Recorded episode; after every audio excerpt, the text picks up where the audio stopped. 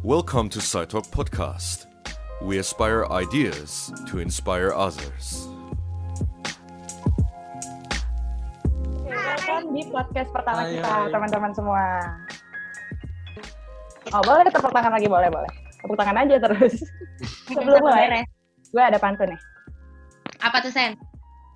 Siang-siang main TikTok. Cakep. Cakep. Welcome to podcast Side Talk. Yeay. Welcome to Dapat Side podcast where we aspire ideas to inspire others.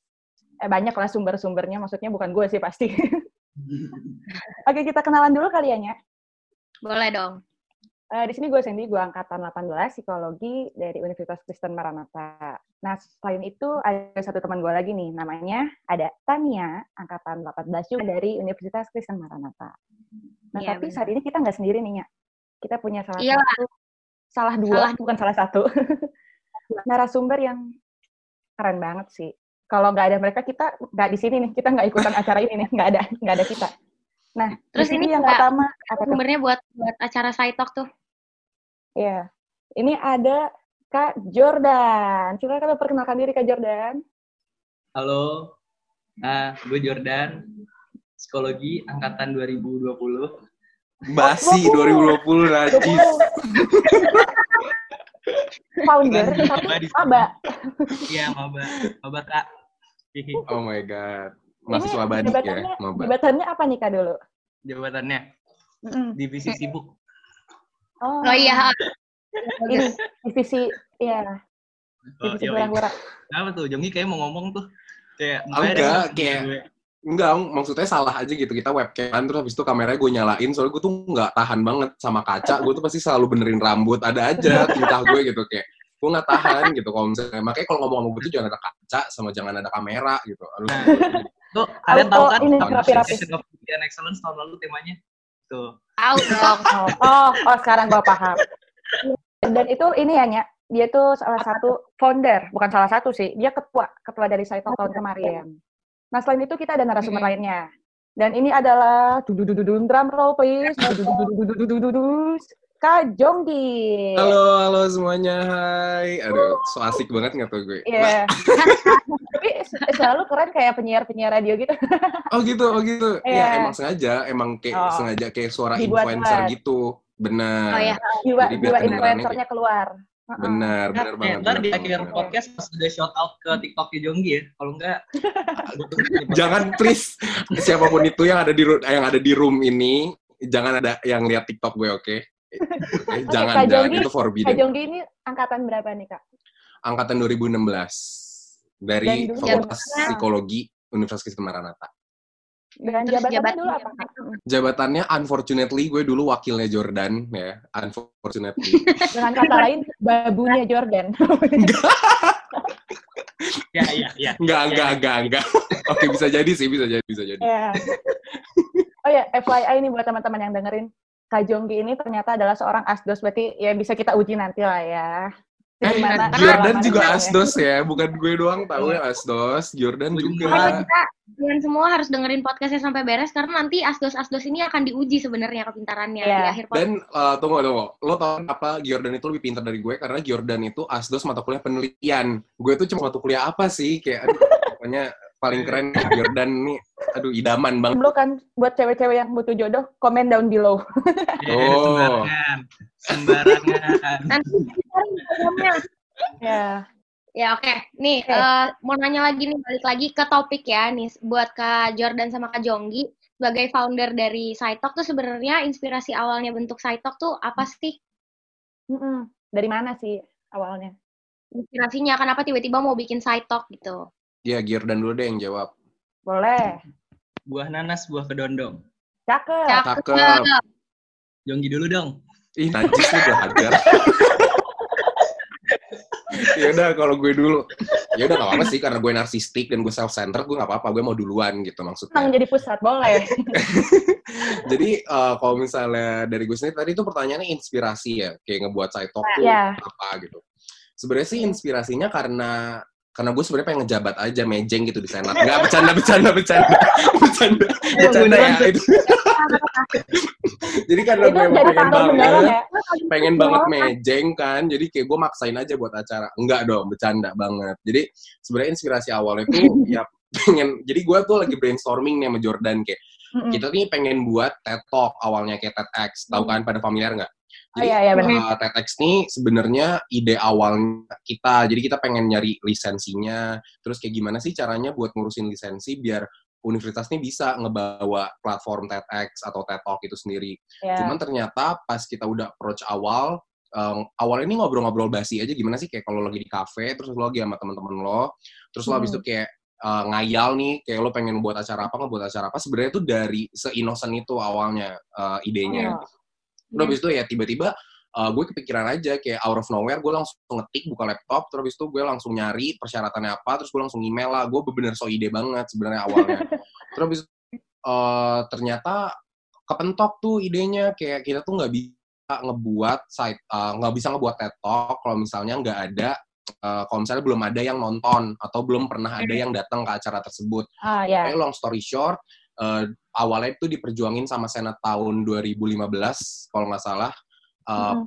eh, pas masih menjabat siapa ya gue lupa angkatan Kahana. 2015 tuh Kahana ya Kahana Ya. pas ada uh, Kahana dari angkatan 2014 menjabat pokoknya diurusin sama mereka ternyata mentok idenya terus ya Hmm. udah uh, dari semua kekacauan itu akhirnya jadilah side talk gitu sebenarnya ada sih Oh. satu step lagi yang kayak sebelum side talk tuh sebelumnya kita pengen awalnya buka buka talks itu dari buka lapak cuman itu juga gagal Oh. idenya gitu kalau misalnya dari gue sih inspirasinya eh, dari yang ngobrol-ngobrol biasa aja sama Jordan itu dari persepsi gue ya nggak tahu kalau Iya. dari persepsi Jordan dia sebenarnya meniatkan acaranya atau enggak Yang pertama nggak tembus tuh ke Bukalapak ya, nggak dapet sponsor ke Pokoknya Bukalapak. kita tuh mentoknya dua kali, kayak kita nggak dapet TED Talk, terus habis itu kita nggak dapet buka lapak. Jadi karena tapi Ah. karena idenya udah ke pitch in ke senat, jadi kita tuh kayak, aduh ini kita harus bener ganti. Terus habis itu ya udah gue nyeplos aja kayak, ya udah side talk yang gampangnya aja gitu. Iya, Ya udah akhirnya goal lah. Iya, Ide itu dengan dari namanya. ngobrol-ngobrol iseng biasa, terus tiba-tiba muncul bisa terwujudkan side talk ya. Benar, inspirasinya tuh karena ya, ya karena singkatnya karena kita pengen ngebawa sesuatu yang baru aja. gitu. Menurut ya, gue. nongkrong- nongkrongnya agak faedah ya. Kalau kita biasanya bah, makan. itu segelintir dari itu bener cuman ya satu persen dari kebanyakan kita nongkrong kayak biasanya kita juga gak faedah kok jadi kita nggak seelit itu juga kita juga tetap kampung kalau nongkrong tenang aja tenang tenang tenang Oke, berarti gue nggak sendiri. Kalau Kak Jordan, kalau pendapat lo gimana Kak Jordan? Siapa tahu lo ada mau nyanggah dari pendapat Kak Jongki nggak nggak gitu Jong pendapat nggak gitu awalnya Kak nggak gitu gimana kalau menurut lo? Layaknya manusia ya, bikin acara tuh untuk cuan. Ah, iya oh, itu bener gitu gue setuju lo- itu lo bagian yang jujur gue ya? lupa Iya, bawa benar. Cuan. Cuannya bermanfaat Iya. gitu. Ada Ya, ada part edukasi ya. Ya, gue udah Nah, berpikir ada tuh, part yang sebenarnya bermanfaat gitu. Iya, ya, misalnya ntar kan kalau misalnya buka lapak mau kan siapa tahu bisa lanjut ke buka lapak dulu waktu itu mikirnya kan. Eh ternyata gagal. tapi itu bener ada bener Ya. juga itu gue setuju gue setuju itu bagian yang lupa gue sebutin Cuan, garis bawah ya. Cuan. Nih buat maba-maba yang mau bikin acara, jangan lupa cuan. bener Nah, karena ya dalam manusia harus ada cuan dan harus dapat cuan. bener bener bener Kayak yang nih nih gue nge-quotes pendapat Jonggi nih. Apa tuh? Tuh? Gaya hidup gaya hidup tuh nggak boleh turun. Anjir. Pengeluaran apa? Pengeluaran tuh nggak boleh turunin. bener Ya, betul, bener betul, jadi betul, kayak betul. pengeluaran lo tuh harusnya yang nggak boleh lu turunin yang boleh lu naikin itu adalah pemasukan lo Pendapatan, gitu. ya. pendapatan Pokoknya lo Gimana pun caranya, cuan. gimana pun Cuan. caranya tetap gaya gitu ya kayak mau iya. lo semelarat apa pun gaya Yang penting gengsi ya. yang penting gengsi bener banget gila gak sih gila, gila, gila. Tapi sumpah gue bercanda banget ya kalau misalnya ada kayak misalnya anak bentar. 2000 2019 yang denger itu denger ini atau 2018 atau 2017 jangan nge-trash talk gue karena ini Iya. gue bener-bener bercanda banget sumpah demi apa pun disclaimer Bagian cuan tuh benar. Ya, cuan tuh benar. Tapi Serius. Kalau kalau gue serius, kalau gue serius. Maba lihat, anak-anak Maba lihat, eh, itu Jonggi Jordan masih misalnya gengsian banget, gengsian banget. Logikanya gini, lu tuh boleh punya idealisme, lu boleh punya ide dan lain-lain. Tapi kalau nggak ada duitnya, acaranya nggak jalan, cuy. Ya, setuju setuju. setuju setuju Setuju. setuju Ujung-ujungnya pasti butuh duit. Betul. Pokoknya nomor satu cuan, udah nggak ada kata lain. Ya, dan yang paling penting tuh cuannya tuh sama-sama. Tuh kalau kita sepakat cuannya tuh Benar. harus merata. benar harus merata kayak ya bisa tanya lah ya yang gabung ke Talk tahun lalu panitianya yang ngerasain lah pasti Tio kan mungkin Tio Nih. Ica juga Iya. bisa nggak seberapa ya. Kita. Nih gue kasih trivia nih. Satu-satunya acara senat yang nge-backin ketua senat cuma saya talk man. Oh benar, ini ya kita ngeplug-in ya. Yang Ya. ngasih cashback, ngasih duit ke ketua senat dan wakil ketua senat senat itu cuman side talk. Jadi kita harus meneruskan tradisi itu ya untuk Ica dan Iya. Kiko nih harus ditiru nih. Gue ada pertanyaan lagi nih. Gue ada Pertanyaannya apa pertanyaan lagi? Apa lagi? Eh, harapan dan tujuan lo mengadakan side talk ini apa sih sebenarnya? Karena ini kan acaranya acara baru ya bisa dibilang dibanding acara senat-senat yang lain. Apa sih harapan dan tujuan lo tuh? Apalagi kalau bukan gaya. Tapi Tapi, gue tapi gue setuju, tapi gue setuju, tapi gue setuju. gue mau kasih angle nih. Lu anak psikologi Maranata. Ketika misalnya lu ngobrol sama temen lu yang UI atau UGM, mereka nggak perlu jelasin. Ya gue anak UI, lu udah langsung takjub gitu. Ya. Tapi kalau anak Maranata, yang mau lu banggain apa? Bener, Ya. itu itu itu Ya, banget betul. itu banget. Misalnya kalau nyebut Maranata, oh Maranata di mana? Tuh kayak orang tuh nggak muncul gitu di otak seseorang. Iya. Ya. Suatu motivasi gue ekstrinsik. Cuma kalau gue sih dulu goalnya tuh gue membuat sesuatu di psikologi Maranata yang ketika gue jelasin fakultas gue, orang tuh nggak perlu nanya dua kali lah. Minimal nanya sekali aja. Bagus sih. Oh bagus. Maranata yang mana yang buat? Bagus, bagus. Sering sering eksistensi. kalau ditanya kuliah di mana di Marnat kayak ya sebenarnya orang-orang masih banyak yang nggak tahu. Ya, Jadi yang dekat jalan tol ya. gaya. Iya. Bener. Kita harus Kalau- menurut lu apa nih Kak Jonggi? Kalau misalnya menurut gue nih, ya, kita kita candid aja lah ya. Lagi juga angka yang Hmm. anak-anak di angkatan gue itu udah pada sidang, udah pada lulus dan gue juga sekarang alhamdulillah juga udah kerja. Jadi gue talking con- candidly aja nih. Kalau misalnya motivasi gue sih kayaknya Jordan ngeh juga deh. Kalau misalnya gue tuh pengen lebih bagus dari semua acara senat lainnya. Jujur ya, karena gue pengen ngebuat sesuatu yang kayak dan akhirnya terbukti acaranya lancar, terus juga dalam format yang baru, juga Betul. dalam sisi publikasi yang belum pernah dilakuin sama acara senat lainnya Iya, dan betul. kita juga sering banget yang namanya wawancara ke eh, banyak-banyak radio dan pokoknya itu kita ngelakuin hal-hal yang belum pernah dilakuin sama acara senat lainnya. Jadi intinya tuh Hmm. eh, kalau misalnya dari gue sendiri eh kalau misalnya tadi ditanya apa sih pertanyaan inisial gue jadi lupa. Harapan dan tujuan talk. Harapan dan tujuan dialog harapannya adalah eh, kita tuh bisa ngeset satu bar dan satu standar yang baru gitu. Kalau misalnya side talk nih jadi panutan acara-acara senat lainnya dan jadi satu standar baru yang di mana oh kalau misalnya kita pengen bagus kita kayak harus kayak side talk kan kalau dulu tuh stigmanya kan ini kita gue gue bicara uncensored aja dan candid ya kalau misalnya dulu kan waktu gue pertama kali masuk acara yang paling gede tuh Saikom kan dan banyak acara-acara lain yang termotivasi untuk nyaingin Saikom nah gue nih pengen buat ya talk lah yang the next harus dilihat sama acara-acara senat lainnya itu sih harapan gue kayak untuk membawa sesuatu yang fresh dan menjadi standar yang baru di dalam ranah senat gitu. Gak bakal ada yang sakit hati sih, kayak, karena angkatan 2016 yang dulu menjabat kayaknya udah pada lulus. Jojo saja hari ini sidang kan, gue nggak tahu tuh Iya. sidangnya kapan. prinsipnya gue sama Jonggi itu sangat menganut free market ya kayak ah, ya udah semua boleh buat sesuatu tapi nanti biarkan pasar yang memilih sukanya yang mana. Iya. dan meskipun acara senat tuh sebenarnya nggak bisa di compare secara taraf kesuksesan keramaian gitu karena apa namanya formatnya berbeda kecuali mungkin yang ada format sama tuh kayak side talk sama side club ya meskipun secara prinsip beda yang yang Hmm. pengen gue sorotin sama Jong itu adalah cara kerja makanya nggak tahu nih yang yang pernah di sini siapa sih Tio sama Marsha ya testimoni dari orang-orang tuh di side talk tuh emang kayak kerja karena demandnya tuh bukan gue gue nggak suka nggak sugarcoat kayak kekeluargaan bareng-bareng dan lain-lain tapi lebih kayak itu kita punya goal kita capai sama-sama gitu dan semua orang Iya. harus punya performa yang bagus makanya saya, yang gue banggakan dari panitia saya talk tuh uh, panitia yang paling dikit kerjaannya rapi dan cepat gitu jadi kalau ditanya Iya. uh, ditanya hal lain yang pengen gue lakukan di Saitok yaitu meningkatkan standar kerja organisasi di psikologi gitu. pengen lebih efisien Benar, benar, Keren benar. sih, keren, keren, keren.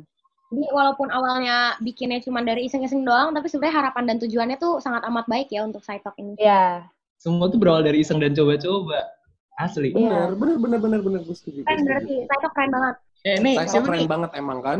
Marsha jangan 11 menit dong santai aja masa podcast Nggak Jadi apa-apa kita lah. Tio ke college college. Ini produsernya nih si Marsha bilang. Lebih aja nggak sih? Kayak nggak apa-apa lama gitu. Kayak buat dua hari gitu podcast Dua hari. kan. Boleh, boleh, gak apa-apa. Terus Lanjutnya. nih, eh, Kak Jonggi sama Kak Jordan, kan eh, dari tahun kemarin juga Saitok itu ngambil tema Appreciation of Beauty and Excellence yang merupakan salah satu dari karakter strength Karakter yang strength. ada. Nah, Nah, betul. kenapa sih sebenarnya memilih karakter strength sebagai tema dari Saitok? Nggak, lu dulu apa gue dulu nih, Jor? Coba dulu deh. Dua-dua aja ya. Boleh, Boleh, Sui. boleh, boleh. Jonggi mungkin bakal bahas dari sisi akademisnya, tapi gue lebih bahas dari sisi bisnisnya ya. Sebenarnya tuh, Boleh. gue nggak pengen side talk tuh kaku. Hmm. Ya. Kenapa? Karena mindsetnya gini, lu sering ngerasa nggak sih? Psikolog tuh ada, psikologi itu adalah salah satu jurusan yang paling judgmental karena kita kayak lu jadi ngelihat orang tuh jadi judgmental, melihat sesuatu tuh jadi kayak udah punya determinasi spesifik kalau oh orang ini uh, memiliki kecenderungan ini bakal dia bakal berperilaku seperti ini. Iya. Nah, Mungkin karena kita masih S1 juga ya, dan ilmunya kurang dalam. Meskipun gue tahu ada beberapa psikolog yang punya tendensi kayak gitu. Gue pengen bos, side talk tuh selike mungkin. Selike, ringan mungkin, meskipun kesannya peripheral atau cuma di permukaan, cuma di permukaan, tapi membantu membagi sudut pandang kita yang belajar um, uh, psikologi sama orang-orang yang tidak belajar psikologi. Makanya narasumber side Ya. talk yang latar belakang psikologi itu nggak ada. Hmm, iya, iya, iya. Oke. Jadi marketnya tuh bisa lebih luas. Siapa aja bisa jadi pembicaranya. Sebenarnya sih dulu nggak tahu nih uh, Jonggi sama atau enggak. Mimpi gue tuh saya talk tuh beyond psikologi. Jadi kita bisa bicarain apa pun. Cuma nanti akan dikaji secara psikologi oleh divisi uh, curator atau materi. Ya. Hmm, Iya, Nah, sebenarnya kan benar-benar nggak ada yang psikologi. Ada satu uh, lulusan manajemen yang aktif di pendidikan, jadi sosiopreneur. Satu lagi pecinta alam, ex aktivis. Satu lagi ada orang dari pemerintahan. Hmm. Nah, memang tantangannya adalah bagaimana menjembatani itu semua sehingga masih relevan dengan temanya. Iya. Nah, itu juga yang jadi evaluasi Talk tahun lalu. Itu jawabannya. Untuk bisa mencapai spektrum audio audi, uh, audiens yang lebih luas, Audiens. simpulannya makin banyak, cuy. Gitu. Balik lagi Bener, ke bener, bener, Tuan. Ya, betul, betul. Secara bisnis ya, dipandang secara bisnis. Kalau secara dipandang akademis secara bisnis. Enggak sih, maksudnya kayak eh, kalau misalnya apakah side talk formatnya itu harus karakter strength, gue rasa enggak ya. Kayak eh, itu Mhm. benar terserah banget yang emang dan kita juga benar kaget bukan kaget sih dan lebih karena bersyukur ya kalau misalnya ternyata ini acara ini ternyata bisa diteruskan dan ketua senat yang terbaru dari Fakultas Psikologi Universitas Kristen Maranatha ini mengizinkan untuk acara ini tetap ada.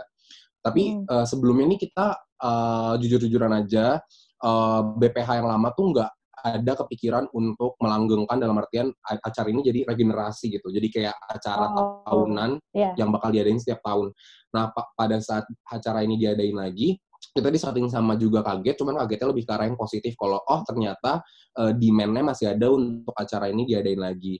Nah, terus eh, untuk ke yang karakter strength itu tadi, nah eh, gue setuju banget kenapa sama Jona kita satu frame sih sebenarnya cuma waktu itu eh, gue untuk eh, Appraisal of Beauty Hmm. karena kan kalau misalnya lo lihat nih eh, karakter strength of Beauty and Excellence dia dia satu karakter strength yang punya tiga spektrum lagi bisa lo lihat dan lo baca eh, dan lo bandingin sama yang lain dia tuh spesifik banget dan dia tuh unik dalam artian dia ngebagi eh, pemaknaan akan keindahan itu eh, skill terus Ya. dari visual dan juga eh, dari satu lagi tuh kalau nggak salah dari visual dari skill sama dari kepercayaan ideologi Hmm. Nah, ini tuh juga nyambung sama ide Jordan yang bisa luas banget dalam artian kita bisa undang narasumber dari bidang untuk untuk menyampaikan ide mereka kenapa sih eh, misalnya eh, dalam bidang bahasa yang lo lihat indah nih apa? Terus itu dari bidang eh, dari bidang alam yang lo lihat indah dari alam ini apa? Atau evaluasi atau tahun lalu adalah narasinya tuh kurang kenceng dalam artian bagaimana ini mempengaruhi hidup mereka. Hmm, tapi iya, untung untung banget uh, salah satu pembicara yang emang kena banget ke hati gue itu adalah Abah Iwan. Kalau misalnya ada yang penasaran nih di podcast ini sama Abah Iwan bisa langsung ke channel YouTube ya menurut gue uh, dia salah satu beliau salah satu pembicara yang sangat mengena ke topik bagaimana pengaruh kebahagiaan dia Oh. karena dia benar-benar ceritain hubungan dari uh, hope itu apa, Hmm. bagaimana dia bisa uh, dengan nyanyi-nyanyi dan juga dengan berpetualang dengan kawan-kawannya ke alam, terus juga dia ngebuat lagu dan itu bagaimana menginspirasi dia untuk menjalani hidup yang lebih bahagia dan lain-lain. Mungkin lebih ke arah Hmm. sana ya. Jadi kalau misalnya dari sisi akademisnya, menurut gue itu juga bisa tersampaikan oleh banyak bidang dan nggak harus dari bidang yang psikologi aja yang nyampein uh, keindahan itu apa, Apa. dan bagaimana dirasakan dalam kehidupan sehari-hari. Lebih ke arah sana sih sebenarnya Hmm. practicality dan juga ya untuk mencangkup audiens yang lebih Keren loh. luas. Penjelasan Itu lo keren banget loh. Kayak keluar gitu jiwa asdosnya. Ini, nih, kalian Iya. harus tahu salah satu apa namanya quotes dari ketua saya talk enggak bukan? Lu maksudnya. Sekretaris saya talk. Sekretaris saya talk. Jadi prinsip saya talk itu adalah serius tapi santai. boleh, boleh. Serius tapi santai. Serius Yang penting kerjaannya jalan. Karena eh, waktu gue memilih Saitok tuh emang menyusun Saitok sama Jonggi tuh secara power dynamics itu tuh adalah sebuah cara yang sangat aneh. Kenapa tuh? BPH-nya keempat-empatnya dominan. Gue gak tahu nih BPH-nya Viko sama Ariana gimana. Keempat-empatnya dominan. Semuanya vokal, kritis, sampai uh, banyak lah senior senior yang nanya ke gue, lu yakin Jo, uh, work not Hmm. afraid? Karena emang empat-empatnya dominan banget. Jadi kayak banget. kadang gue bingung, kayak ini ketuanya tuh siapa? Kadang sekretarisnya yang Iya. membantah gue sama. Jordan, kadang bendaharanya waktu membantah gue. sama sebenarnya santai aja kak, kak mau sama jauh-jauh juga pendapatnya. Benar, benar, benar, benar. Jadi sih sebenarnya suatu hal yang emang memorable banget ya karena jadi semuanya tuh sangat memiliki opini opinionated ya. Opinionated dalam artian mereka tuh bisa memperjuangkan opini mereka. Jadi itu sih salah satu hal yang menurut gue rare to find karena semuanya tuh pengen mengeluarkan opininya. Kayak gue juga uh, shout out ke core lama gue. Jadi jadi sebenarnya budaya budaya itu yang pengen uh, yang gue harapkan tuh turun ke side talk side talk berikutnya. Karena kita selalu menekankan setiap uh, pendapat itu matters gitu. Dalam artian mau lo level lo staff, level lo koor atau apa pun pada saat lo ada di side talk dan lo ingin mengutarakan pendapat ya itu bakal kita tampung dan sebenarnya itu yang budaya yang pengen gue berharap banget uh, jadi turun temurun Mungkin gue- Sebenarnya podcast ini bukan di BPH loh. Ini di salah satu koar talk yang lama. Oh. Iya, Jadi seberapa dulu kita juga pentingnya- punya iya. podcast Seberapa Ini- pentingnya pendapat siapa pun dia. Dia beli Bener. dia nge-pitch in ke gue terus kayak eh, mau buat kak buat aja dan ternyata bersyukur masih dilanjutin gitu podcastnya meskipun at that time mungkin eh, audiensnya nggak luas sama formatnya berbeda ya Iya. kalau yang kemarin tuh eh, jauh lebih Formal. eh, Formal. formal dan interview kalau ini kan Ah, diction iya. gue gue nggak tahu sebenarnya karena yang kalian kasar tuh apa interview apa discussion Maaf ya gue menghancurkan format podcast ini. Kalau kita bahas lagi ke karakter strength nih ya, Hmm. tadi kan udah ditanya nih sama Tania sebelumnya, kenapa pilih karakter strength? Nah, gue penasaran sih. Tahun kemarin tuh temanya Appreciation of Beauty and Excellence kan. Dari sekian Oke. banyak karakter strength, ada 24 totalnya nih. Kenapa sih lo pilihnya Appreciation of Beauty and dia. Excellence? Boleh nih dari siapa dulu? Oh deh, gue mungkin lupa timeline atau lupa, tapi sih inget gue, kita tuh dulu dapet uh, sumber duluan yang emang pengen kita incar, baru kita cocokin ke tema, atau tema dulu, terus kita cocokin ke narasumber sih, Jor? Enggak, enggak, eh, tema dulu baru narasumber. Soalnya dulu gue sangat eh, apa namanya galak dalam menyusun pro. Oke, tema. Nah, ada banget nih satu nama. Kayaknya gue juga, kayaknya ini bakal dipublikasikan ya. Ya, ya iyalah bakal dipublikasi, masa enggak sih? Kayak gue. Eh, enggak, jadi ada satu nama, eh, gue gak bakal nyebut sih sebenarnya, karena ada dispute lah waktu itu. Jadi kayak ada satu permasalahan emang menyangkut dalam ranah sampai level univ dan sampai level fakultas. Ah. karena pembicara yang kontroversial dalam artian katanya bertentangan dengan value-value Christianity punya strong of uh, speaker uh, yang bakal datang ke acara kita. Uh, jadi itu kalau nggak salah ya waktu itu pemilihan ini tuh balik lagi yang kayak tadi gue bilang kenapa gue milihnya Operation of Beauty dari Iya. padahal ada 24 karakter strength dan 24 24 nya itu sama-sama unik dan juga sama-sama ya Mm-mm. baik ya karena mereka kan positif sama-sama baik dan sama- sama-sama berdampak baik cuma lebih kepengen kita tuh pengen variety banget gitu kayak bener uh, kita pengen ngundang tuh dari Beauty and Excellence ini gue gue kasih clue aja deh jadi uh, sebenarnya tuh uh, narasumber yang pengen kita undang tuh MUA makeup artist jadi dia emang terkenal di Indo Ya. cukup terkenal di Ya. Indo. Jadi kita tuh pengen ngundang dia dengan tema ini berharap bahwa dia tuh paling dia tuh pokoknya bisa banget deh ngejelasin tentang uh, appreciation of beauty melalui yang visual ini gitu. Seingat gue sih waktu itu uh, kita jadi kekeh banget dengan tema ini tuh karena narasumbernya kita udah kepikiran. Tuh. Hmm. Jadi kayak lebih ke arah top down ya Iya. cara pemikirannya dari dari Dari narasumber narasumber ke baru ke temanya. tema gitu. Mm-mm. Hmm. Kalau gue dulu pengen banget Rara Sekar tampil, jadi makanya gue selalu bilang jangan ke Viko dan Ica lo cari yang bener possible dan udah harus di MOU-in mau nggak mau kena pokoknya nggak mau tahu udah di atas tanda tangan materai atau apa segala macem pastiin tuh orang bakal datang Kalau dari kalian sendiri, tahu nggak sih tema tahun ini apa? Tema saya tahun ini. tahu Zes tahu dong, tahu dong. tahu. Nah, Betul nih. nah jadi em, kan tahun ini kita juga mengambil eh, salah satu dari karakter strike sebagai tema yaitu yang tadi udah disebutin sama Kak Jonggi, Zest. Nah, menurut Kak Jonggi sama Kak Jordan sendiri, Zest tuh maknanya seperti apa sih sebenarnya? Ya, gimana tuh? ya udah Jor lu duluan diem lagi lo gimana Ilmu dulu. Boleh deh Kak Jordan dulu, nanti dilengkapi oleh asdos kita. Ih, Asdos benar. Sumpah Jordan juga asdos ya gila jangan gue doang dong yang terserang Boleh lu asdos. matkul Kan ini aslinya matulnya bersangkutan sama karakter Iya, si Oke, Kak Jonggi. bener sih, bener, bener, bener, bener. bener. berkaitan. Kalau dari lu dulu deh Kak Jordan. Nah, kalau yang dari gue searching ya, Najis searching dulu. Hei, malu bertanya sesat di jalan, cuy. Bener sih. Great Apa itu tuh? artinya great enthusiasm and energy. Sebenarnya ini juga Artinya? lumayan luas ya, karena pastinya orang-orang yang inspiratif itu kan memiliki semangat yang tinggi, energi yang besar juga untuk dalam kinerjanya. Jadi menarik juga sih topik tahun ini. Akan dibahas seperti apa zestnya. Ya. Nah, buat yang penasaran jangan lupa datang acaranya ya pasti. Bener banget. Harus Iya. datang. Ya, tapi gue Enggak. tapi gue jadi kepo. Corona gue buat berhenti pokoknya. Biar pada datang pada saya talk. Ini Zaito Nah, kalau gue- berhenti. Iya. Yang sakit datang saya talk sembuh. Anjir jadi acara ini pengobatan. Harus datang pokoknya. Iya. Kalau dari Kak Jonggi sendiri gimana menurut lo? Enggak, tadi Jordan pengen nambahin apa? Lu pengen ngomong apa sih? Zest itu kan great energy and enthusiasm. Kira-kira ada nggak orang yang nggak punya zest tapi dia tetap bisa kreatif dan apa namanya berkarya? Kalau lo bahas kreatif menurut gua ada sih. Cuma berkaitan itu Ada. dengan karakter strength yang lain. Yang lain, ya Ih, pinter nih, gue seneng. Mereka mengilhami pelajaran psikologi positifnya. Iya. Dosennya siapa? Dosen kelas lo? Eh, NRP 157. Oke, oke. Langsung gue catat, langsung gue catat nilai tambahan, nilai tambahan. Langsung ganti semester besok. Lanjut. Tapi bener kan ada definisi gue, saya cek lagi zest tuh sama buah. Ada, buah zest ada. Ada sih. gue sih ingetnya penjelasan dari Viko dan Ariana dan menurut gue itu udah bener banget ya. Jadi kayak Zest kan tadi uh, great energy and enthusiasm. Jadi basically Zest itu uh, dari penjelasan Viko dan Ariana kayak bagaimana seseorang tuh not barely living gitu loh. Jadi kayak pada saat ada orang yang hidup nih, lo nggak cuma napas doang, cuman kayak you make something out of it. Dan Iya. itu bener juga pada saat lo align dengan uh, teori Zest dari karakter strength. Jadi kayak uh, your great energy dari energi lo yang besar ini lo salurkan untuk uh, melakukan aktivitas aktivitas keseharian yang yang lo punya. Kayak misalnya nih uh, walaupun gue sekarang karantina gue masih mengiyakan untuk ikut di podcast ini gitu. Jadi karena uh, gue eh, karena gue tetap antusias gitu with life. Jadi kayak I'm not only barely living but I'm uh, happy to be here gitu.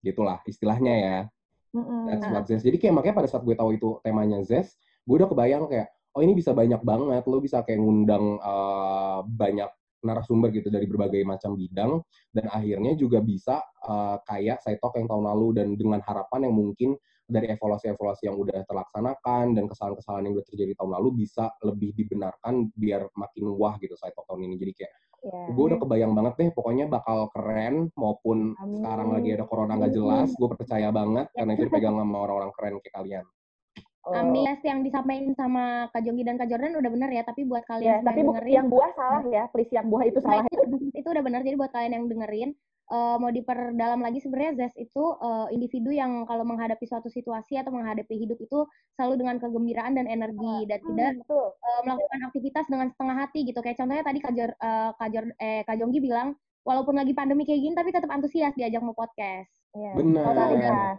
Apa pun medianya. apa pun medianya Hmm. Nah, terus karena eh, adanya zest dalam hidup itu jadi membuat si individu itu cinta dalam dirinya sendiri, menimbulkan cinta dalam diri Ke sendiri. self love betul ya. betul betul Iya, Hmm. self love. jadinya. berarti semua anak saya talk psikologi Betul. positifnya harus A lah ya nggak ada yang B plus lah ya nggak ada yang remet lah ya quiz Gue A Woi. Keren, keren, keren.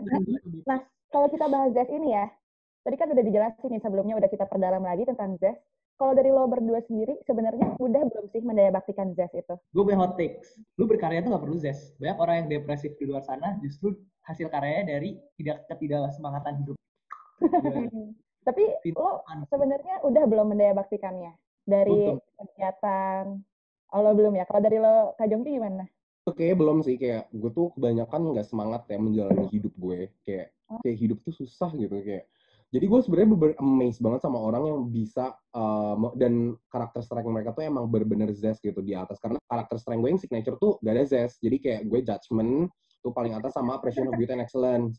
Gue dua Oh. itu di atas. makanya gue paling relate sama appreciation of beauty and excellence. Dan gue kenapa setuju banget sama tahun lalu sama temanya. Karena uh, gue bisa banget gue ngeliat orang nih lagi main drum gue tuh bisa kayak tuh dia keren banget. And it gives me apa excitement gitu ya istilahnya. Cuman kalau misalnya untuk gue take on my own life, terus gue bersemangat, kayaknya gue belum belum mendaya baktikan itu sepenuhnya gitu ya. Cuman ya Iya. bener sih kata Jordan, dan itu juga bener juga kata eh, kata Sandy yang waktu lo bilang ya mungkin itu bukan masalah zestnya, cuman berkaitan dengan karakter strength dia yang lain ya bisa aja orang itu yang Iya. depresif itu dia tingginya tuh di karakter strength yang lain dan Yang lain. zest. Karena lo semua kayaknya belum mendaya baktikan itu, tapi kayaknya gue punya tips and trick nih buat yang lagi dengerin juga. Gimana Atau tuh gimana? Kita nih juga butuh nih soalnya Iya, tuh kayak ah gitu kayak ah males Kayak banget gue hidup gitu kan. ah, jatuh, iya. Iya, bikin tambah jatuh. Situasinya hidup Iya. tuh lagi kayak gini tuh, aduh. Sebenarnya tipsnya nih gampang banget ya. Yang pertama itu take care of your body. Itu tuh sebenarnya cuma kayak lo bisa makan makanan yang sehat, makan makanan yang bergizi dan tidur cukup itu adalah satu tips and trick untuk mendaya baktikan jazz itu sendiri. Kalau kayak skincarean gitu-gitu termasuk gak tuh? Boleh itu take care of your Boleh. face. Nah, Oh iya gue juga setuju tuh, gue juga Iya. excited banget kalau gue harus uh, skincarean kayak lo lo pernah gak sih pada saat skincare tuh lo kayak excited banget? Ih kalau gue kayak gue gue gue relate. Sekarang gue relate. Gue tahu sekarang Oke. rasanya. Itu zest ternyata guys. Nah, selain itu ada lagi sih Nah, Kak itu sebenarnya. Iya, itu selanjutnya ada practice mindfulness. Atau dalam kata lain sebenarnya bersyukur. Mm-mm. bersyukur, Lo oke bersyukur, gue kurang ya. banget tuh bersyukur. Jordan juga dia paling jarang bersyukur tuh Kelihatan ya, itu karakter. hmm, karakter ya, bersyukur lihat jendela, ada matahari, oh bersyukur. Bersyukur. Iya, Bangun pagi, COVID, masih PSBB juga tetap harus bersyukur. iya. iya tuh gue paling gak bisa tuh bersyukur kayak gue paling gak bisa sih Kalau Bangga lagi. Cuman serius gratitude gue tuh paling rendah loh. Kayak gratitude gue tuh dua tiga gitu, forgiveness tuh dua empat. Jadi gue kok udah sih? orang yang spiteful, orang yang evil, udah yang wah gue udah paling hmm, kurang. Pendendam, ya. Iya pendendam, Ada pendendam bener. Ada lagi nih sebenarnya masih ada dua lagi. Yang Apa tuh? ketiga itu physical activities, workout minimal 15 menit deh sehari. Lu gak usah lari apa lari-lari 5 jam, gak usah kayak mau jadi atlet maraton, gak usah 15 menit aja cukup. Nah, setelah gue tahu sih kenapa gue nggak zest, karena itu dari yang lo sebutin aja gue nggak suka tuh. Lu cuma suka skincarean kan? Iya. Sama kalau yang kalau yang do physical activities tuh yang sekarang lagi ngetren banget workoutnya Chloe Ting tuh tuh? bisa kan memotivasi Iya, di kan bisa Oh. di rumah. Itu joget TikTok nggak sih? Kayak dance dance TikTok nggak sih? Nah, itu Physical lu kan, activities. Iya itu gue. sekalian promosiin ID TikTok lu nggak siapa tahu mau jadi masuk JOE titik RH. Nah, tuh semuanya yang dengerin dan yang main TikTok biar Iya. masuk For You page. FYP. Like, Iya, di like. Yang Yang terakhir apa tuh tips yang terakhir? terakhir itu ada celebrate little victories. Jadi sebenarnya ini yang mengapresiasi kemajuan kita meskipun ya elah kecil banget gitu. Tapi apresiasi itu salah satu bentuk tips and trick untuk mendayabaktikan jazz itu sendiri.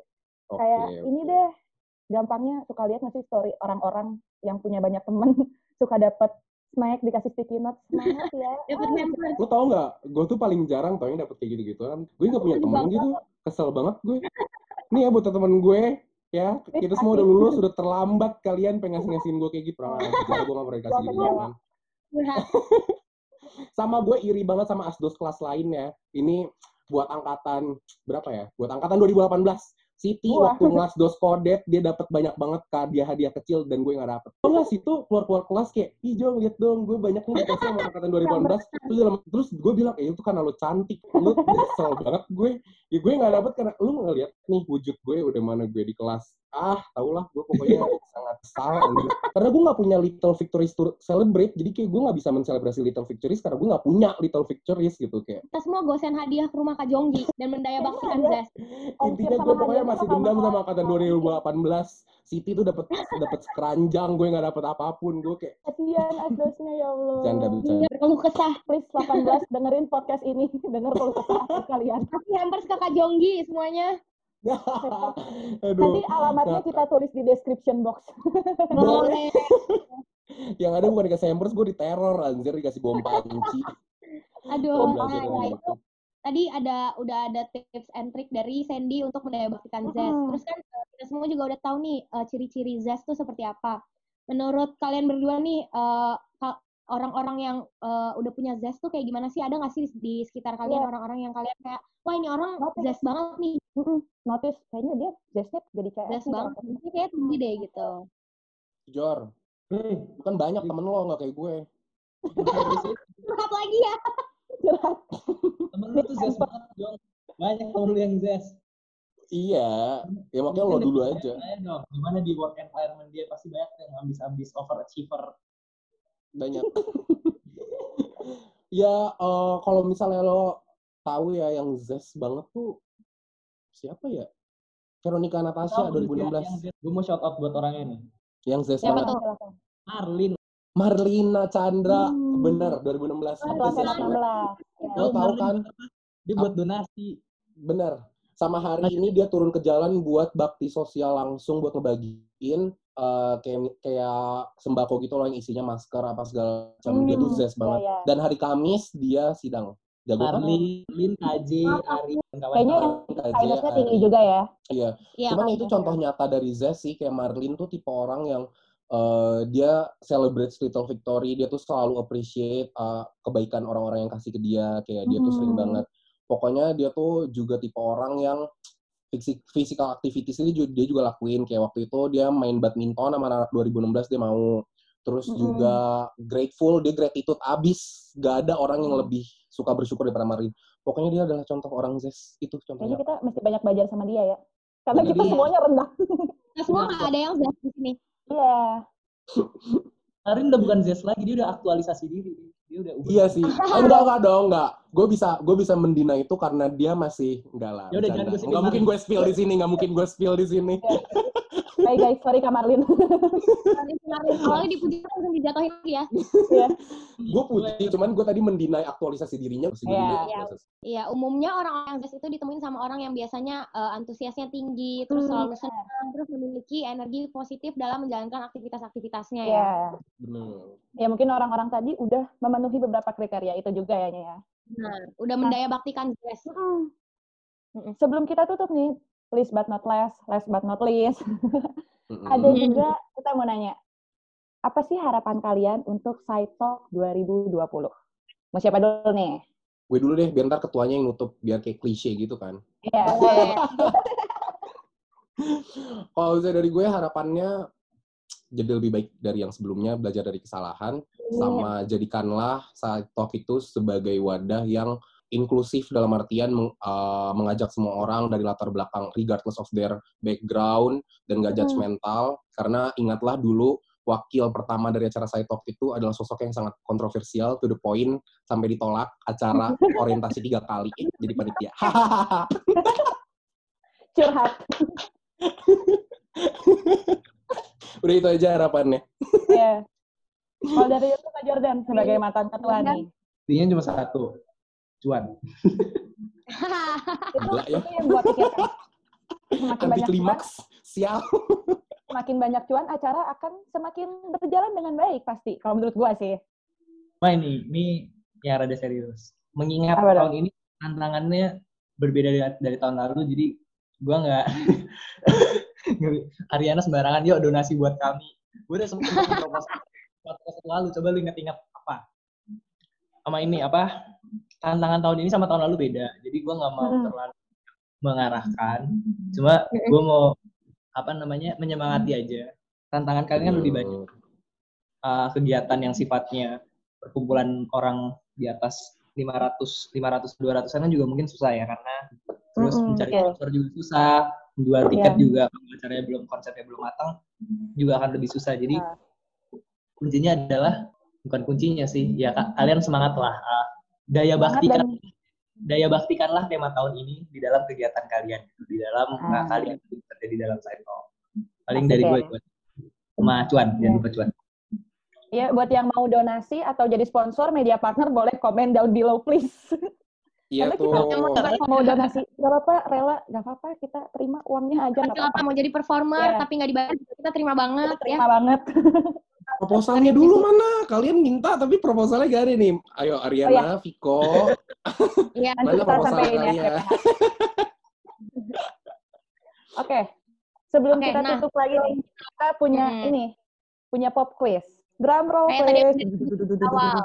Iya. Ini, Ini pembahasan kuisnya sebenarnya lebih ke pengetahuan Umum. untuk masyarakat umum. Oke, ini Tadi kan kita bahas 3G gitu ya Ya, boleh deh. ya udah masuk langsung masuk Sok. aja kali ya, Sen. Iya, Ini boleh. eh, buat Kak Jongki sama Kak Jordan nih kan sekarang lagi masa-masa orang merasa ada yang gak beres sama dirinya kayak mereka merasa aduh gue depresi banget nih sama eh, kehidupan gue selama Iya, pandemi sama yang cuma keadaan. sama keadaan cuman makan tidur makan tidur gitu nah terus mereka langsung nyari di internet sebenarnya eh, depresi itu kayak gimana gejalanya dan mereka merasa kalau apa yang di internet sama yang mereka rasain tuh sama relate nah itu jadinya. kan lebih, lebih muncul self diagnose atau mereka mendiagnosa diri sendiri kalau mereka itu jadi depresi contohnya nah menurut kalian tuh sebenarnya self diagnose tuh gimana sih Siapa dulu nih? Mikir kan lo berdua. Jawaban yang Apa tuh? singkat, padat, jelas. Boleh deh. singkat padat jelas Jawabannya it's perfectly normal karena ini pandemi. Kalau di luar pandemi tapi berkaitan di dengan self gimana nih? Hmm. The thing about depression itu adalah sesuatu yang sangat subjektif.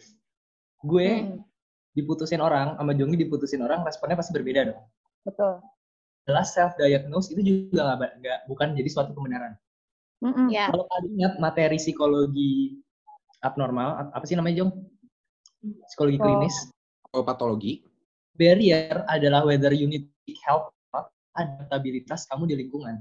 Ketika kamu Hmm. merasa sedih atau depresif tapi kamu masih bisa adaptif di lingkungan, Betul. gue kemarin belajar sesuatu senior namanya geneto genetropism tapi kalau dijelasin di sini podcastnya bisa jadi tiga episode jadi singkat penjelasannya dari gue gini aja self diagnose itu benar atau salah jawabannya adalah tergantung the specific case. Benar. yang harus lu ingat dalam diagnosa itu ada yang namanya simptom udah, udah jelas terpapar kayak untuk depresi ataupun eh, gangguan jiwa lainnya kalau mau ngikutin apa yang dari US Jong Oh, DSM.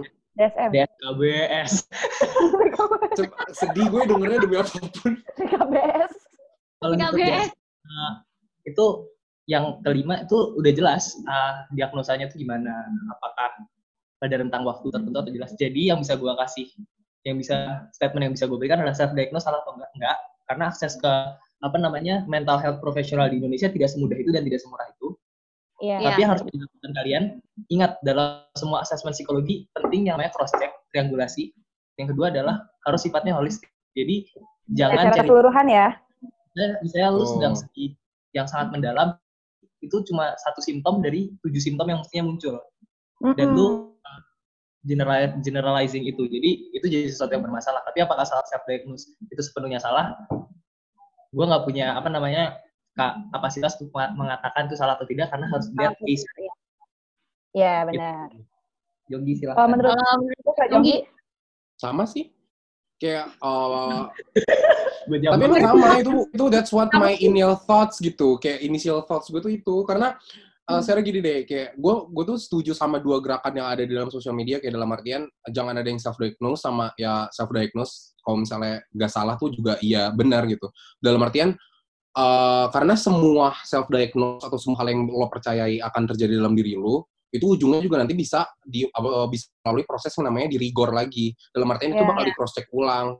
Uh, sama uh, psychiatrist atau atau psikolog, Iya. psikologis pilihan. Cuma intinya tuh kalau misalnya dari gue ya, it's okay to feel curious about whatever had whatever the things that happening to yourself. Kayak misalnya lo tuh lo kayak penasaran kenapa sih gue belakangan ini kayak unmood banget atau uh, belakangan Iya. ini kayaknya gue sedih terus dan ya lo pasti gak bisa melakukan apa-apa kecuali ya lo kan karena lo nggak mau hesi karena lo nggak mau terburu-buru buat masuk ke buat psikolog dan konsultasi yang meskipun nggak apa-apa nggak apa sama sekali gitu. Ya jadi uh, pada saat itu lo udah nyari yang cuma bisa gue kasih tahu adalah jangan terlalu melabel diri lo dengan apa yang udah dikatakan di internet. Dan pada saat lo emang udah mendapatkan jawaban sekiranya pas ya bisa langsung datang ke uh, cek konsultasi ke psikolog yang ada di klinik terdekat karena BPJS sudah nge-cover konsultasi itu untuk Ya, yang misalnya ada maladjustment atau diagnosis awal Uh, kalau misalnya nggak ada punya BPJS daftar BPJS jadi kayak gue lebih ke arah practicality aja dalam hal ini karena Ya.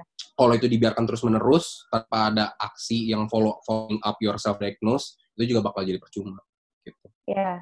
Gue setuju sih sebenarnya. kalau bisa baik Yogi search aja nanti sendiri ada teori namanya self fulfilling prophecy itu sebenarnya juga diajarin Hmm. sih Mm-mm. Yang bahaya sendiri. itu sebenarnya ketika dia baca, dia mendiagnos diri dia padahal sebenarnya itu bukan ya, itu yang bikin bahaya. Nah, itu Iya makanya dan yang dan di situ tuh yang tadi Jordan bilang self-fulfilling prophecy takutnya pada saat seseorang udah ngeliat didiagnose diri dia misalnya nih bipolar dan sama padahal dia nggak bipolar terus dia Betul. percaya kalau dia bipolar dia bisa jadi bipolar beneran karena dia berusaha Ah. untuk menjadi apa yang dia katakan terhadap diri dia sendiri jadi Iya. makanya gue bilang tadi kalau emang udah sekiranya udah terpuaskan rasa ingin tahunya ya harus ada follow up actionnya yaitu ya pergi untuk Iya. konsultasi ke Jadi, ya, jadi self diagnose itu nggak bisa dibilang sepenuhnya salah atau sepenuhnya benar ya, tapi ya balik lagi Iya. yang lebih mengerti tentang bidang tersebut. Nah, sebenarnya buat kalian semua yang lagi dengerin yang belum tahu, sebenarnya self diagnose itu proses di mana seseorang mengamati dirinya sendiri eh, dan mengidentifikasi penyakit atau gangguan psikologis berdasarkan pengamatan tanpa konsultasi medis. Iya, Jadi ya emang harus ada- lihat. Nah sebenarnya Mm-mm. gue ada sesuatu yang menarik lagi nih. Itu menurut Srini Pillai, dia itu mengatakan ada bahaya dari self diagnose. Nah dia tuh Ya. bilang kalau self diagnose ini masalah psikologis kan ya dalam seseorang ketika dia nginiin dirinya. Nah mereka tuh bisa aja mengabaikan penyakit medis sebenarnya yang ada melatar belakangi masalah psikologis tersebut. Nah contohnya gini nih, misalnya lo kena panic disorder. Nah Hmm. sebenarnya lo bisa aja mengabaikan penyakit medis kayak detak jantung yang tidak teratur atau hipertiroidisme. Nah, kayak gitu. Tapi lo malah fokus ke panik disordernya. Disordernya ada- aja, ya. Mm-mm, Tapi ada- lo tau gak kenapa gue kakak nih sekarang? Karena Mm. ini tuh kejadian banget di temennya temen gue. Jadi temennya Yohana, jadi gini ceritanya nih, Wak. singkat aja singkatnya karena gue tau dia udah lama. Dia tiba-tiba jadi satu satu hari satu malam si temennya Yohana ini nelfon Yohana lah. Gue gak bakal nyebut nama di uh, jadi dia nelfon Yohana, dia bilang, "Yo, gue panic disorder nih, kayak badan gue kaku, terus apa segala macem, gue gak bisa napas, gue susuk napas. Terus itu kita panik dong, Yohana panik dong. Terus itu ya Iya. dia like a best friend that she is, dia berusaha mengkontak uh, orang terdekat yang ada di situ untuk nyamperin dan dia juga ikutan datang dan dia dibawa ke rumah sakit karena uh, dia emang sebelumnya dia bilang dia testify ada panic disorder dan dia kayak dia sampai gemeteran apa segala macam dan Yohana kayak dan dia akhirnya nelfon Yohana karena Yohana anak psikologi kan. Terus itu Iya. karena datanglah uh, pas udah datang ke rumah sakit ternyata tahu nggak dia itu apa? Dia itu ternyata punya mah akut. Jadi apa yang dia rasain itu bukan panic disorder. Jadi sebelum sebelumnya dia selalu bilang kayak yo gue kayaknya punya panic disorder yang harus gue treatment. Karena gue bener suka sesak napas dan gue suka tiba-tiba nyeri di badan gue. Tiba-tiba ya itu bukan gitu. Dan gue tuh ngakaknya karena ya itulah dia tuh nge-labelin itu panic disorder padahal itu penyakit beneran yang ada di dalam tubuh Medis dia ya, kayak penyakit sebenarnya. medis gitu. Dan itu kayak Nah itu bahayanya. Makanya kita lebih kalau menurut gue sih nyaranin lebih kalau udah ngerasa sesuatu yang salah, mending datang ke profesional beneran ya. Langsung Hmm. dicek lagi ya. setuju Iya. setuju setuju Ada pertanyaan selanjutnya nih berkaitan sama self diagnose yang tadi. Orang-orang zaman sekarang juga sering banget nih kalau ngeliat temennya misalnya ngerapiin barang sampai rapi banget atau cuci tangan berkali-kali, suka langsung dikasih label, lu OCD ya. Sebenarnya OCD ini bukan Oh, OCD iya. yang ala, ala si badan keker itu bukan ya. Hmm. OCD obsessive compulsive disorder. Sebenarnya kalau menurut lo apa sih OCD ini? Mau dari siapa dulu nih? Aduh, gila. Terus kayak nanya teori. Pemahaman lo aja. Ntar, gue recall dulu. Oke, boleh. Abis ini langsung musik-musik yang penghantar tidur nunggu. Dong, nanti malah tidur. Ini uh, dari yang pengetahuan gue aja ya. Jadi kayak Ya, don't ya, boleh. judge me for what I don't know. Uh, jadi OCD itu basically obsessive compulsive uh, disorder kan. Ya. Kalau misalnya kita dari etimologis, uh, lu bisa lihat kayak perilaku dia tuh jadi orang yang menunjukkan perilaku obsesif dan juga kompulsif. Jadi obsesif Mm-mm. dalam dalam berarti dia tuh uh, menunjukkan simptom-simptom paranoid dan juga obsesif dalam artian dia tuh benar-benar terpaku dalam satu hal. Nah, kompulsif itu diartikan sebagai, sebagai etimologinya tuh perilaku yang berulang-ulang. Nah. Perilaku yang munculnya ya. Perilaku yang munculnya itu beber diulang terus, diulang lagi, diulang lagi, diulang lagi. Jadi udah mana dia terpaku, dia terobsesi, apa dia nggak bisa ngelepas pikiran dia dari hal itu, perilaku itu juga diulang-ulang sama dia. Nah, uh, apa yang tadi lu bilang kan biasanya banyak orang yang ngebecandain kayak, ah gila lo OCD, kayak misalnya lo ngeliat ada orang yang uh, color organized, jadi kayak dalam artian dia nge-organize sesuatu berdasarkan warna. Karena Kayak terus ya. lo bilang kayak eh kayak temen gue itu si Siti dia tuh kalau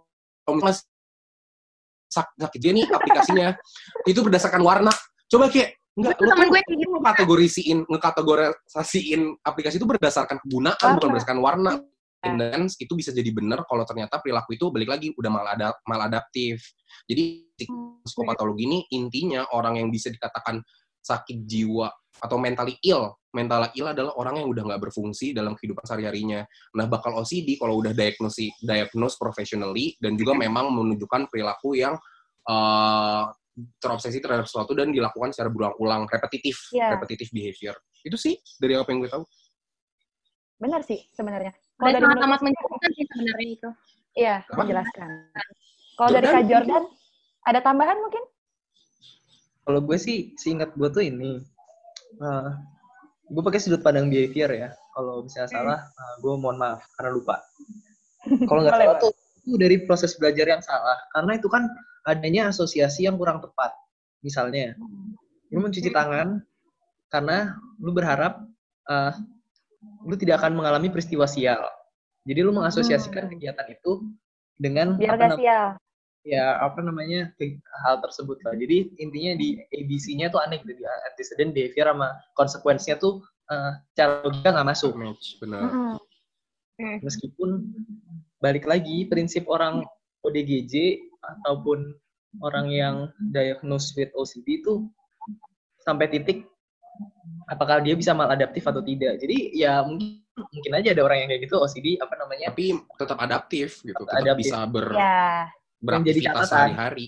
yang jadi catatan adalah eh, penggunaan kata-kata diagnosa psikologis untuk Ya. mengasosiasikan seseorang dengan hal yang sifatnya derogatif. Derogatif itu apa? Merendahkan. Mm-mm. Kayak misalnya lu ngatain temen lu OCD gara-gara dia menata sesuatu, itu menurut gua tidak sepenuhnya betul gitu. Karena itu kan term yang sangat Hmm. teknikal dan istilahnya eh, kita kan ingin merubah stigma juga terhadap orang-orang yang di luar sana yang maladaptif dan butuh bantuan secara psikologis lah. Istilahnya Iya. eh, mereka kan mentally disabled. Jadi Betul. yang yang gue soroti mungkin lebih ke bercandaan-bercandaan kayak gitu itu mungkin bercandaan tongkrongan which is perfectly fine cuma gue harap orang-orang bisa membedakan gitu when real person have that diagnosed karena gue Ya. gue pernah baca di mana hal-hal kayak gini ini mem- membuat sebuah romantisasi terhadap orang-orang yang sebenarnya tidak memiliki hal tersebut baik lagi ke apa namanya diagnosis tadi romantisasi ini menyebabkan atensi yang sebenarnya diperlukan oleh orang-orang yang memiliki hal tersebut itu hilang karena orang-orang Oh, jadi iya. menyepelekan gitu Uh, Mm-mm. urgensinya hilang gitu kayak misalnya lu ngatain ah gue depresi nih tapi karena udah ada label bahwa depresi jadi sesuatu yang pop bayangin depresi jadi Hmm. pop culture jadi orang orang yang depresi beneran apa nggak dapat atensi tersebut karena Atensi. itu karena fokusnya hilang gitu itu kan yang salah Iya. satu jadi concern juga dan banyak campaign di sosial media ada apa mungkin yang bisa gue soroti itu Iya. Makanya mental health itu it's not a joke ya sebenarnya ya. Tidak untuk Benar. Di- bercandain gitu. Karena kalau emang gue suka itu everything is a joke tuh? karena because comedy is tragedy comedy is tragedy yang paling penting tuh adalah timelinenya misalnya nih Hmm. kejadian itu baru saja terus lu bercandain ya mu- mungkin it's perfectly fine tapi nggak morally acceptable to few person Mm. jadi maaf gue negasi host ya tapi menurut gue komedi tragedi Berarti lo elaborate lagi lebih lanjut. Kan tadi dia tak salah ngerangkum mungkin. Jadi kalau misalnya apa yang lo Ya. bilang tuh, mungkin Jordan bilang nggak dalam konotasi yang ngeledekin orang lain gitu loh. Jadi kayak lo nggak bisa Intinya derogatif ke orang lain yang kayak lo nggak bisa ih OCD lo gitu. Itu nggak boleh.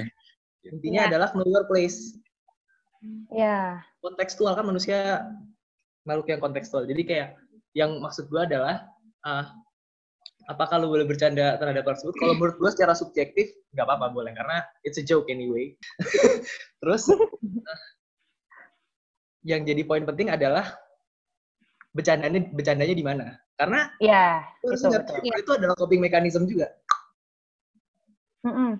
Ya, Jadi- maaf nih gue melebar nih.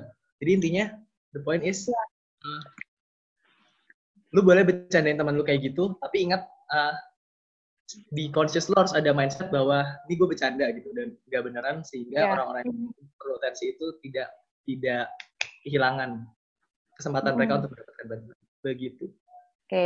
Kalau gue rangkum dari yang OCD tadi ya, OCD itu sebenarnya kalau gue rangkum lagi sebenarnya ada obsesi dan juga ada kompulsi di mana obsesi itu pikiran dan kompulsi itu perilaku.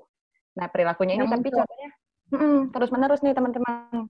Contohnya tuh sebenarnya lebih ke nggak wajar sih. Kalau contohnya misalnya dia cuci tangan, itu mungkin dia bisa cuci tangan sampai lebih dari 30 kali buat dia tuh memastikan kalau nggak ada bakteri, tangannya udah bersih banget kayak gitu. Nah, Makanya itu sebagai hal yang nggak wajar karena jumlahnya tuh juga berlebihan ya. Udah lebih dari wajar banget itu. 30 kali.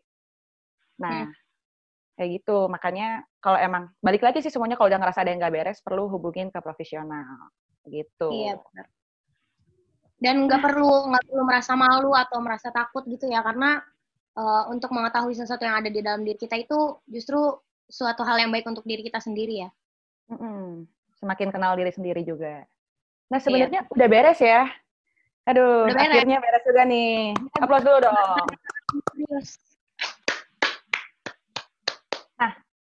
Sebelum kita tutup, kita mau bilang terima kasih nih pastinya buat Kak Jordan dan juga Kak, Kak Jonggi. Karena Iya, udah sama-sama. nemenin kita nih ngobrol sekitar hampir sejam setengah loh kayaknya. Iya. Iya, ngobrol dan juga ngasih informasi buat teman-teman mungkin dari seputar side talk sampai tentang emang secara dunia psikologi nih. Nah, eh, sebelum kita tutup, kita punya jargonnya nih, Nya. Udah Udah pada baru tahu? nih. Ya, jargonnya itu stay enthusiast and seize the day. Oke. Sampai jumpa Yeay. lagi teman-teman di podcast berikutnya. Oke. Bye-bye. Wuh.